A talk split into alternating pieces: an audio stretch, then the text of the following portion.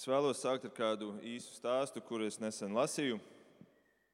Kad sākās eh, Amerikas Savienotajās valstīs veco rietumu apdzīvošana, tad eh, pionieri plūda pa visu valsti uz Kaliforniju un Oregonu. Un eh, vienā konkrētā vietā, Rokiju kalnu, Rocky Mountains, Klinču kalnu, Rokiju kalnu austrumu nogāzēs, kādas takas vidū gulēja liels un netīrumiem apklāts akmens. Zirgu rati uz tā lūza un cilvēki aiz tā klupa. Visbeidzot, kāds izraka dīvaino akmeni un noripināja to lejā pa nogāzi tuvējās strautām. Šis strauts bija pārāk plats, lai tam varētu pārlekt pāri, tādēļ cilvēki izmantoja šo akmeni kā tādu tiltu, pa kuru šķērsot augsto strautu. Un tā to izmantoja gadiem ilgi, līdz beidzot viens kolonists uzcēla savu māju turpat uh, blakus šim strautam. Un tad nu, viņš izcēla šo dīvaino akmeni no strauta, jo viņš saprata, ka viņam noder šis akmens kā kājturis, kā durvju aizturis, atvainojos, durvju aizturis savā namā. Nu, lūk, tā šāds viens akmens var tikt izmantots dažādiem veidiem. Un, uh, mēs varam jautāt, kas tad ir tas, kas ļauj lietot to kādā labā, pareizā veidā, kādā veidā, kas man ir noderīgs. Tas, kas man to ļauj darīt, ir izpratne kādas zināšanas par akmeņa, piemēram, akmeņa pielietošanas veidiem. Kas vienam ir par klupšanas akmeni, tas citam ir tilts, un vēl kādam citam durvju aizturs. Izpratne maina pielietošanas veidu, vai ne? Izpratne maina pielietojamību lietām. Un tāpēc arī par izpratni šodien mēs vēlamies domāt, esot mūsu svētdienas sērijā Dieva evaņģēlijas, un mēs šodien aplūkosim tiltu no 9. uz 10. nodaļu. Tātad būs pēdējie panti 9. nodaļā un pirmie panti 10. nodaļā. Un kā jau jūs zināt, mēs katrā svētdienā atbildam uz kādu vienu jautājumu, par kuru ir runa tajā konkrētajā tekstā. Un šodienas jautājums ir, cik liela nozīme ir pareizai izpratnei, it īpaši garīgajā ziņā. Vai izpratne ir tas ir tāds sekundārs jautājums, nu tā teikt, katram jau savu patiesību, kā tas ir šodien populāri? Vai tomēr tam ir kāda augstāka nozīme, varbūt pat izšķiroša nozīme? Un, eh, lai uz to atbildētu, es aicinu atvērsim šodienas Bībeles tekstu no romiešiem 9. Tiem, kas jums ir priekšā, varat atvērt.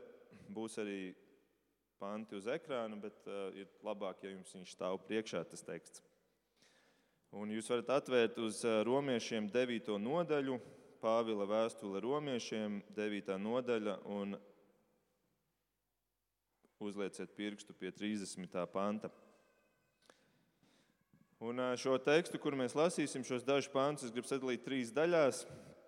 Un, pirmā daļa būs vārds dzīšanās, otrā klupšana un trešā izpratne.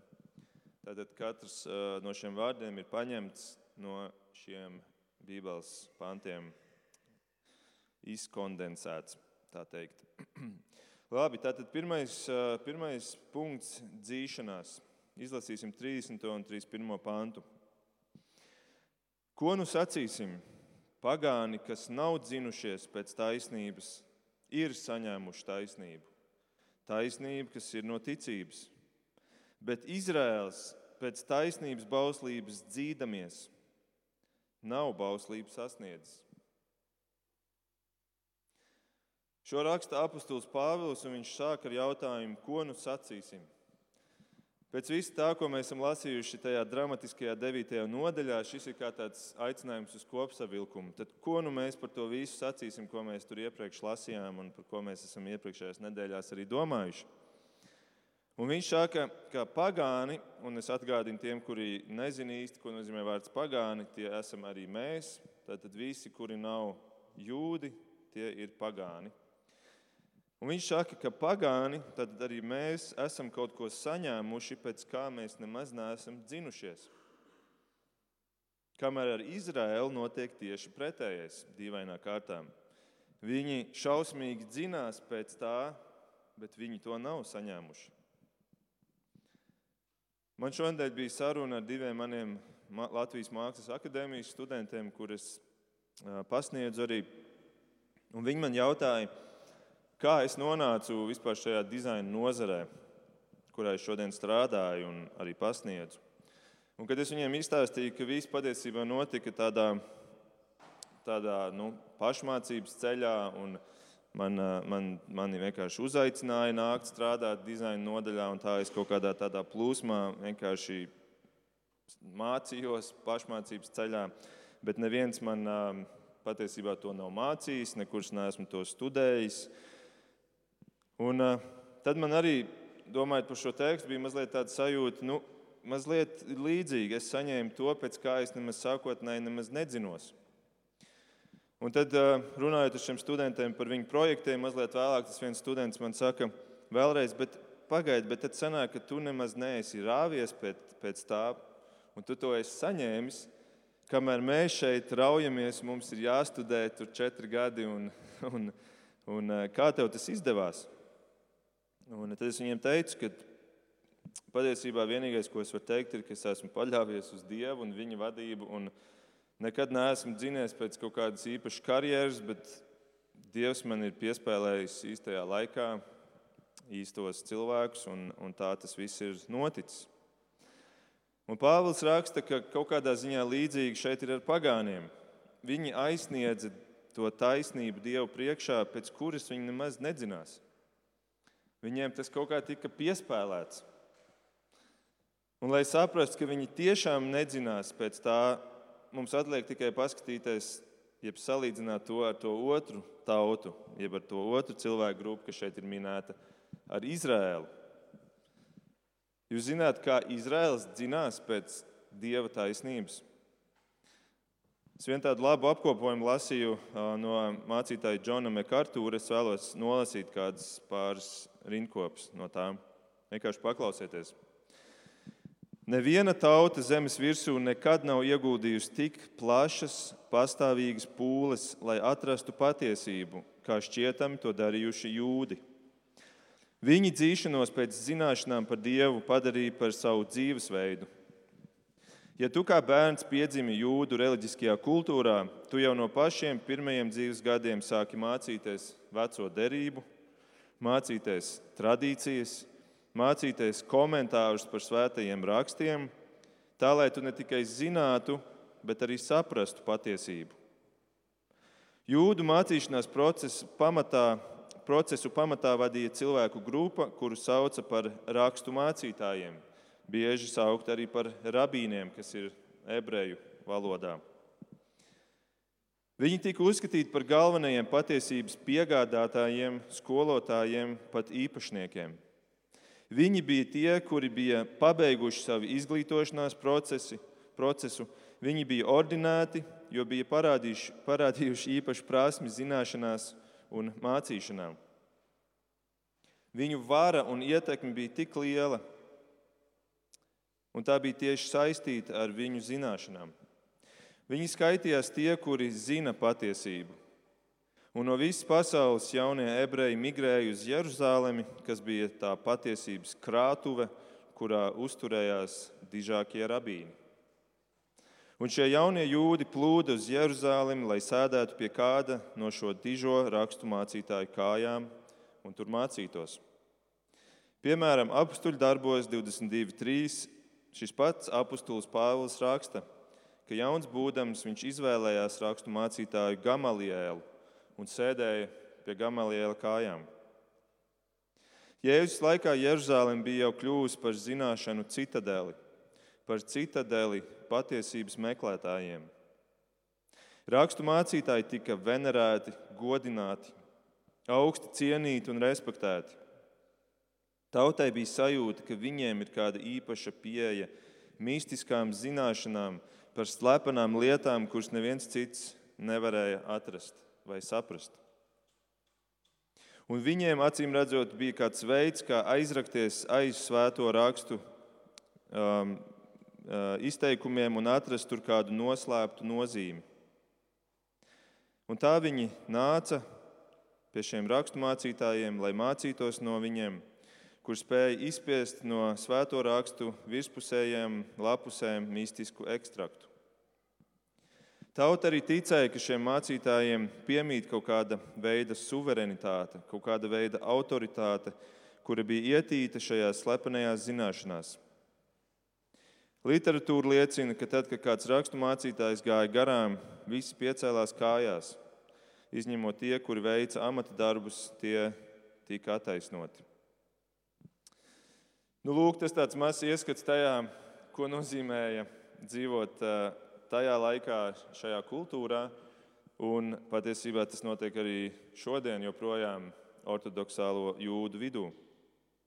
Tātad Izraels tiešām dzinās pēc patiesības un pēc dieva atzinības un pēc taisnības, mēģinot piepildīt dieva dotos likumus, jeb baušļus, kā mēs viņus saucam. Bet Pāvils raksta, viņi to nesaņēma. Viņi to nesaņēma. Viņi tā zinās, bet viņi to nesaņēma. Kādēļ viņi nesaņēma? Ar visu šo nenormālo ieguldījumu nesaņēma. Un tas mūs aizved pie šodienas otrā punkta. Tad pirmais punkts bija dzīšanās, otrais punkts ir klupšana. Tātad mēs varam izlasīt 20, 32 un 33 pantu. Pāvils saka, kādēļ, tātad, kādēļ viņi nesaņēma? Kādēļ? Tādēļ, ka viņi to darīja nevis ticībā, bet darbos. Un tie ir paklupuši pret klupšanas akmeni, kā ir rakstīts. Redzes lieku ciānā klupšanas akmeni un piedaudzības klinti, bet kas tic uz viņu, nepaliks kaunām. Tad Izraels dzinās un dzinās līdzīgi kā mēs varbūt šodien dzenamies pēc kaut kā. Vienalga, vai ir, vai tā ir mūsu karjera, vai eh, tās ir eh, kādas baudas, vai tā ir nauda, vai eh, jebkas cits. Katrs cilvēks pēc kaut kā dzinās, bet Izraels dzinās un dzinās, un tomēr nesaņēma to, pēc kā viņi bija dzinušies. Un Pāvils šeit saka, viņi neaizsniedz to gala mērķi tādēļ, ka viņi pa ceļam paklupa, nokrita, tur palika. Viņi netika līdz mērķim. Un atcerieties stāstu par uh, klupšanas akmeni. Mēs varētu teikt, ka Izraels gāja līdzīgi kā mēs tur tajā stāstā lasījām, gāja pa šādu taku, pa to patiesības tāku pretī dievam. Bet tur gulēja kāds akmens, un viņa aizķērās ar šī akmens un paklupa un krita un nositās, garīgi runājot. Bet kā tā varēja notikt? Vai tad viņi neredzēja to akmeni? Vai tad viņi nepamanīja viņu, vai tad viņi nevarēja izvairīties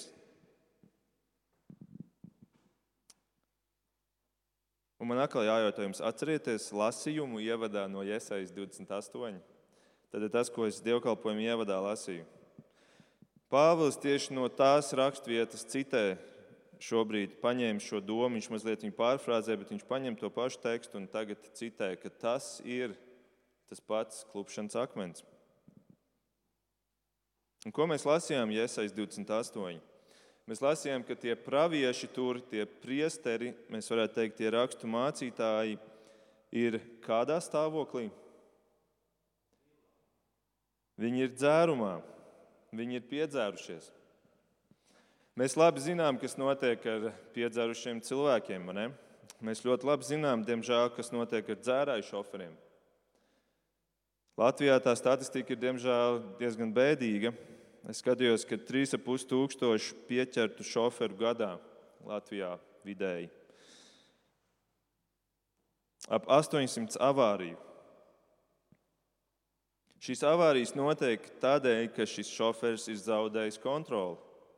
Vispirms jau pār sevi, un pēc tam arī par to, ko viņš vada. Un Izraels šeit ir kā tāds dzērājs šofērs. Viņš brauca, bet neaizbrauca.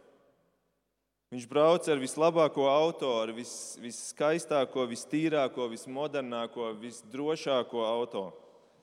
Bet viņš neaizbrauca, jo viņš pazaudēja kontroli, jo viņš bija piedzēries. Viņš bija pazaudējis mērķi no acīm, viņš bija padevies savām baudas kārēm.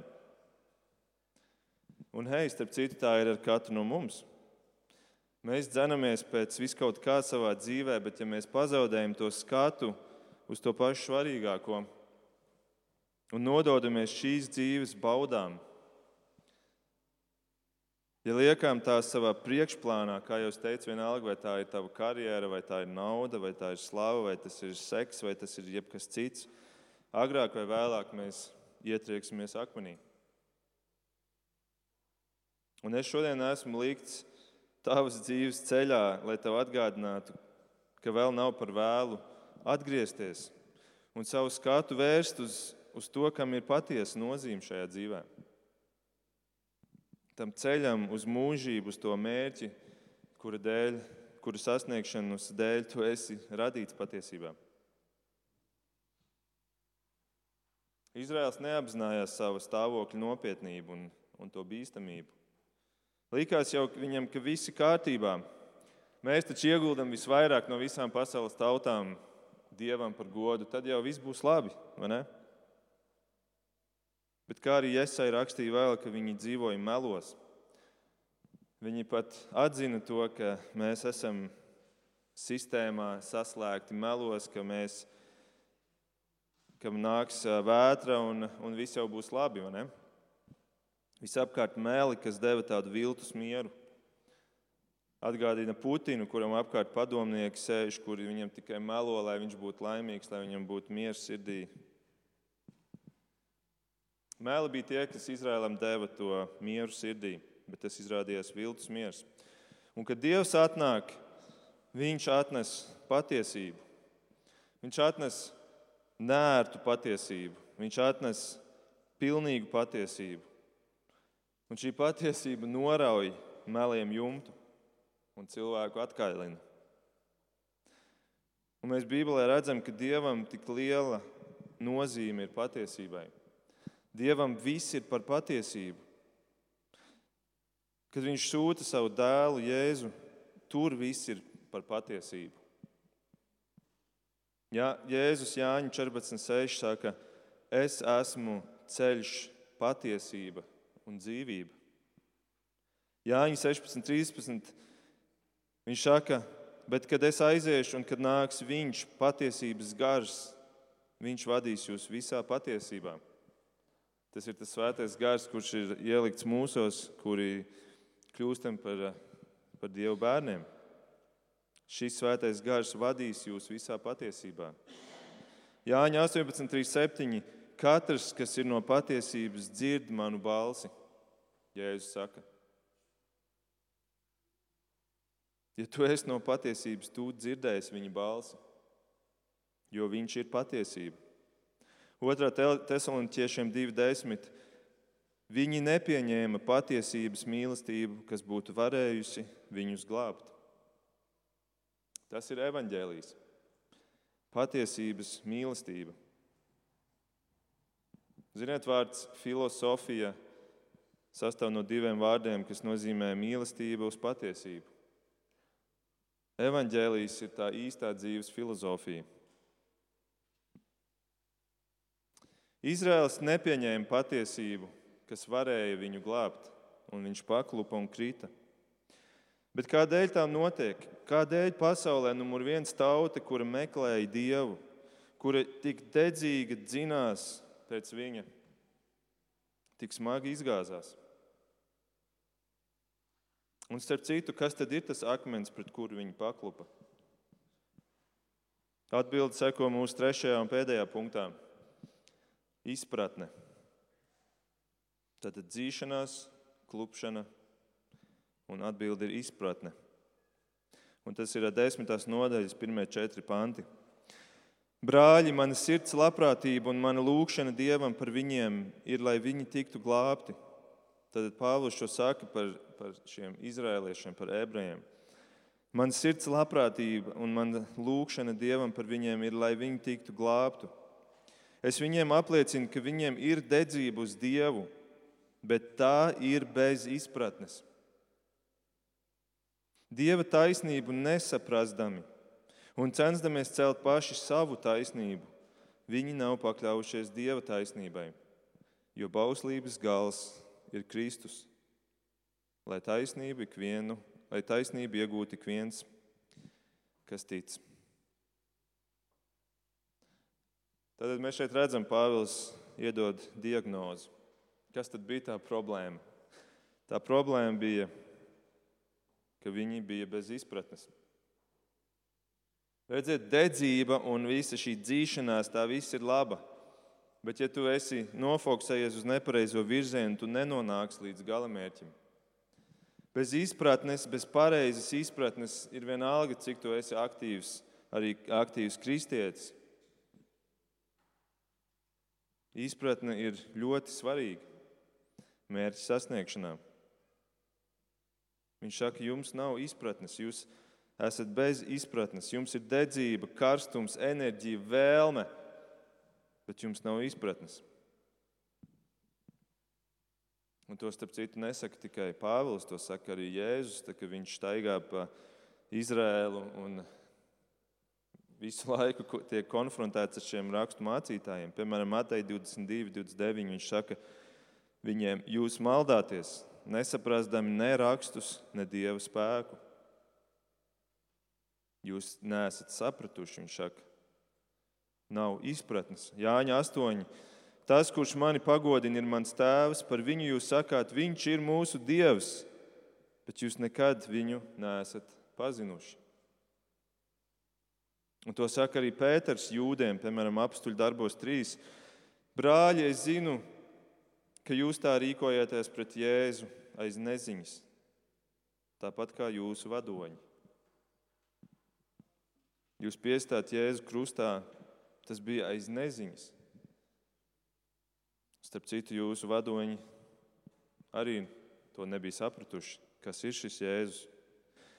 Un Lūkas 19. Jēzus saka Jeruzalemē: Nāks dienas pār tevi, kad tavi ienaidnieki cels ap tevi nocietinājumus Tā kā Ukrainā Mariupola bija nocietināta, bija ielēgta.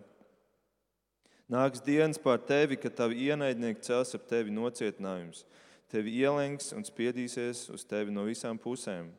Tie notrieks tevi zemē un tavus bērnus, kas ir tevī, un neatstās akmeni uz akmens, tādēļ, ka tu neapzinājies laiku, kad Dievs tevi apmeklēja. Tu neapzinājies. Tu biji bez izpratnes, tu nezināji, tev bija nepareiza izpratne. Redzēt, cik liela tam ir nozīme. Ir tāds teiciens, nezināšana neataisnos. Diemžēl viņš ir patiesa. Tādēļ meklē no sirds pa īstam. Ņem Bībeli rokā un lasi viņu nevis, lai meklētu attaisnojumus neticēšanai, bet lasi viņu bez aizspriedumiem.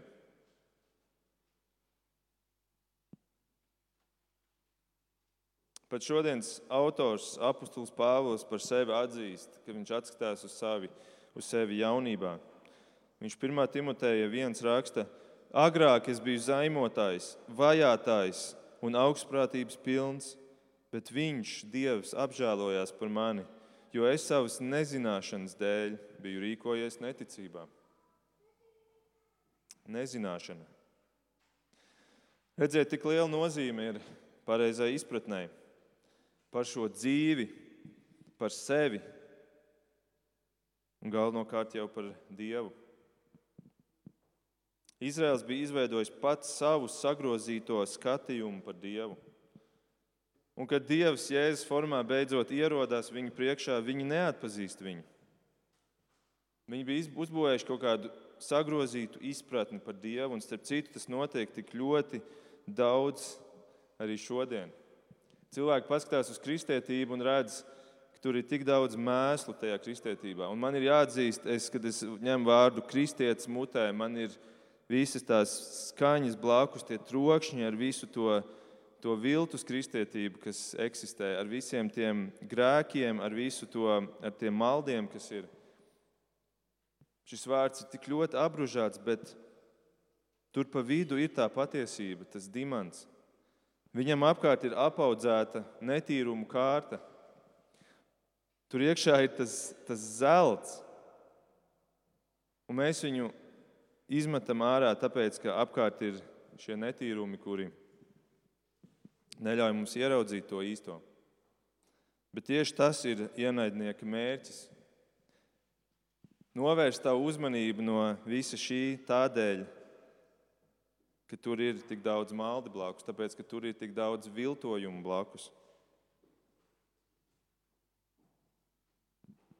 Un mēs ar saviem studentiem Mākslas akadēmijā par šo tēmu beigās visu lekciju norunājām.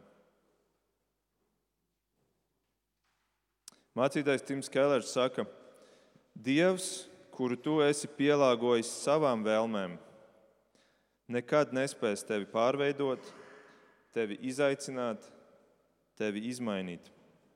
Jo tas nav īsts Dievs, bet gan tavs izdomājums. Tikai īstais Dievs, kuru tu pieņem tādu, kāds viņš ir, tādu, kādu viņš sevi atklāja Bībelē, spēs izmainīt tavu dzīvi. Izraels gan daudz lasīja par Dievu, bet viņi nebija gatavi pieņemt Dievu tādu, kāds viņš ir, tādu, kāds viņš sevi atklāja cilvēkiem caur svētiem rakstiem. Un tāpēc tik liela nozīme ir tam, kā tu lasi savu Bībeli. Vai tu gribi saprast to, kas tur ir teikts, un arī pieņemt to? Vai tu esi gatavs pieņemt to? Vai drīzāk palikt tajā ērtajā šķirotāja pozīcijā, kur es kaut ko noņemu, kas man nedara, kaut ko pielieku klāt, ko es gribētu redzēt savā priekšstatā par Dievu? Starp citu, Romiešu vēstules 9. nodaļa ļoti nērta nodaļa. Un kā Raimons pagājušajā svētdienā teica, daudziem gribās to izņemt ārā. Ja es varētu, es labprāt izgriezt viņu ārā no savas bībeles. Bet mums ir jāpieņem Dievs tāds, kāds viņš sevi, tādu, kādu viņš sev pasniedz un parāda. Citādi mēs radām savu elku dievu, Un tas ir tas, ko patiesībā visas reliģijas dara. Viņi uztaisa savu elgdievu pēc saviem kritērijiem, izdomātiem noteikumiem, un tad kalpo viņam, lai apmierinātu to iekšējo vajadzību, kur ir ielikta visos cilvēkos, ka man ir jākalpo kaut kam, kas ir lielāks par mani.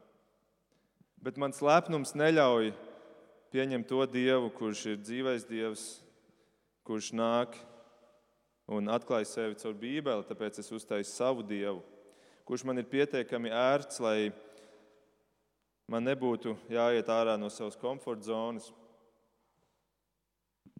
bet um, vienlaicīgi es apmierinu savu vajadzību pēc kādas augstākas spēka pielūgšanas. Un, eh, ja tas nav elgdievs ārējs, tad tas ir elgdievs es pats sev. Un visas pasaules reliģijas to dara arī šodien. Viņas izveido šīs dievības, kuras pielūgt, kurām izpatikt, darot labos darbus un pildot tos rituālus, kurus šīs dievības prasa. Un, ja es būšu pietiekami labi to darījis, tad Dievs mani pieņems. Es nonākšu debesīs, vai es nonākšu nākamajā dzīvē, pārdzimšu par kaut ko labāku, Bet Kristus ir tieši pretējs. Un kristietība ir tieši pretēji tam. Pāvils saka, ka Kristus ir gals. Gals kam? Gals visai šai reliģiskajai dzīšanās pēc izpatikšanas dievam. Kristietība saka, es neko nespēju izdarīt, lai es varētu izpatikt dievam. Dievs ir pilnīgs un viņš prasa mums būt pilnīgiem, ja mēs gribam nākt viņa klātbūtnē. Tāpēc kristietība saka, atzīsti, ka tu nekad nebūsi pilnīgs, ka es nekad neaizsniegšu šo līmeni, tāpēc manā dzīvē vienmēr būs grēka traips. traipi. Es varbūt būšu labākais cilvēks pasaulē, vismorāli, morāli vislabākais, vis, vispriekšzīmīgākais, uh, bet es nekad nebūšu pilnīgs. Un tādēļ Dievs sūta savu dēlu Jēzu Kristu, kurš ir pilnīgs, tāpēc ka viņš ir Dievs. Un Jēzus nodzīvo dzīvi bez grēka. Un tādēļ tā vietā, lai tagad prasītu no tevis, hei, dari labus darbus un pildi rituālus, viņš saka, apmainām mūsu dzīves. Es tev došu šo savu pilnīgo dzīvi. Tā kļūst par tavu identitāti. Bet tu man pretī dod savu netīro dzīvi. Un ar šo netīro dzīvi es kļūšu vainīgs. Un es došos uz Golgātu un miršu pie krusta un samaksāšu par to. Bet tu ņem manu pilnīgo dzīvi, lai tajā dienā, kad tu stāsies šī pilnīgā Dieva priekšā, Dievs tev teiktu, tu esi pilnīgs. Tu vari nākt manā klātbūtnē. Tu esi bez grēka. Tādējādi viss reliģijas saka, dari, dari, esi labs, dari. Bet kristētība saka, izdarīts. Visas reliģijas saka, dari dievam darbus, bet kristētība saka, dievs ir izdarījis to darbu, kas tev dod pieeju viņam mūžībām. Tāpēc ņem viņu savā dzīvē un dzīvo. Noliec to garīgo alkoholu un kļūsti skaidrs. Redzi skaidri, kur tu dodies, lai tu varētu sasniegt to mērķi, kura dēļ tu esi radīts. Redziet, tādi ir šodien mums šie trīs punkti. Pirmais bija dzīšanās, mēs katrs dzenamies, bet jautājums ir, kurp? Otrais punkts bija klupšana. Ziniet, pat vislabākie klūp agrāk vai vēlāk, ja negaida to akmeni savā ceļā un dzīvo sev savai baudai, savai laimēji. Un trešais punkts bija izpratne. Gal galā klupšana pār akmeni vai arī šī akmens pielietošana sev par labu ir pareizās izpratnes jautājums. Tas ir izpratnes jautājums. Un Jēzus Kristus ir šis akmens. Vieni pār viņu klūp un krīt uz mūžu, bet citi viņu ņem un veido kā tiltu uz mūžīgo dzīvību. Jautājums ir, kas viņš ir tev? Kas viņš ir tev? Un es vēlos noslēgumā vēl atzīties, ka mans ievadā stāstītais stāsts nebija pilnā versija, jo es jums neizstāstīju beigas. Un ar tām es vēlos šodien noslēgt. Tātad šis akmens, kas klupināja, tika nogāzts lejup šajā strautā, kur tas kalpoja par tiltu, līdz kāds to izcēla un sāk lietot kā durvju aizturi. Bet gadiem ejot, apkārtnē tika sabūvētas vilcienu sliedes un saceltas pilsētas. Un šī vecā kolonista mazdēls devās uz austrumiem, lai studētu geoloģiju. Šis patiesa stāsts. Un kādā Vectēva mājiņas apciemošanas reizē mazdēlam sanāca iespēja aplūkot šo veco akmens klūci, kas tika lietots kā durvju aizturs. Un viņš atklāja, ka šajā akmens un netīrumu kamolā slēpās lielākais zelta tīradnis, kāds jebkad tika atklāts Rokiju kalnu austrumu pusē. Tas tur bija gulējis trīs paudzes, un cilvēki nekad nebija spējuši novērtēt tā vērtību. Kādiem tas bija klupšanas akmens, citiem tas bija akmens, lai pakāptos. Un citiem tas bija vienkārši pietiekami smags akmens, lai tas varētu aizturēt durvis. Bet tikai mazdēls ieraudzīja to, kas tas patiesībā bija - tīra zelta gabals. Jo šim mazdēlam bija izpratne. Lūksim Dievu! Debes Tēvs, paldies par Tavu vārdu. Paldies, Kungs, ka Tu atgādini mums ne tikai svētdienās, bet caur visu to radību mums apkārt, caur dabu, caur to, kā mēs esam būvēti.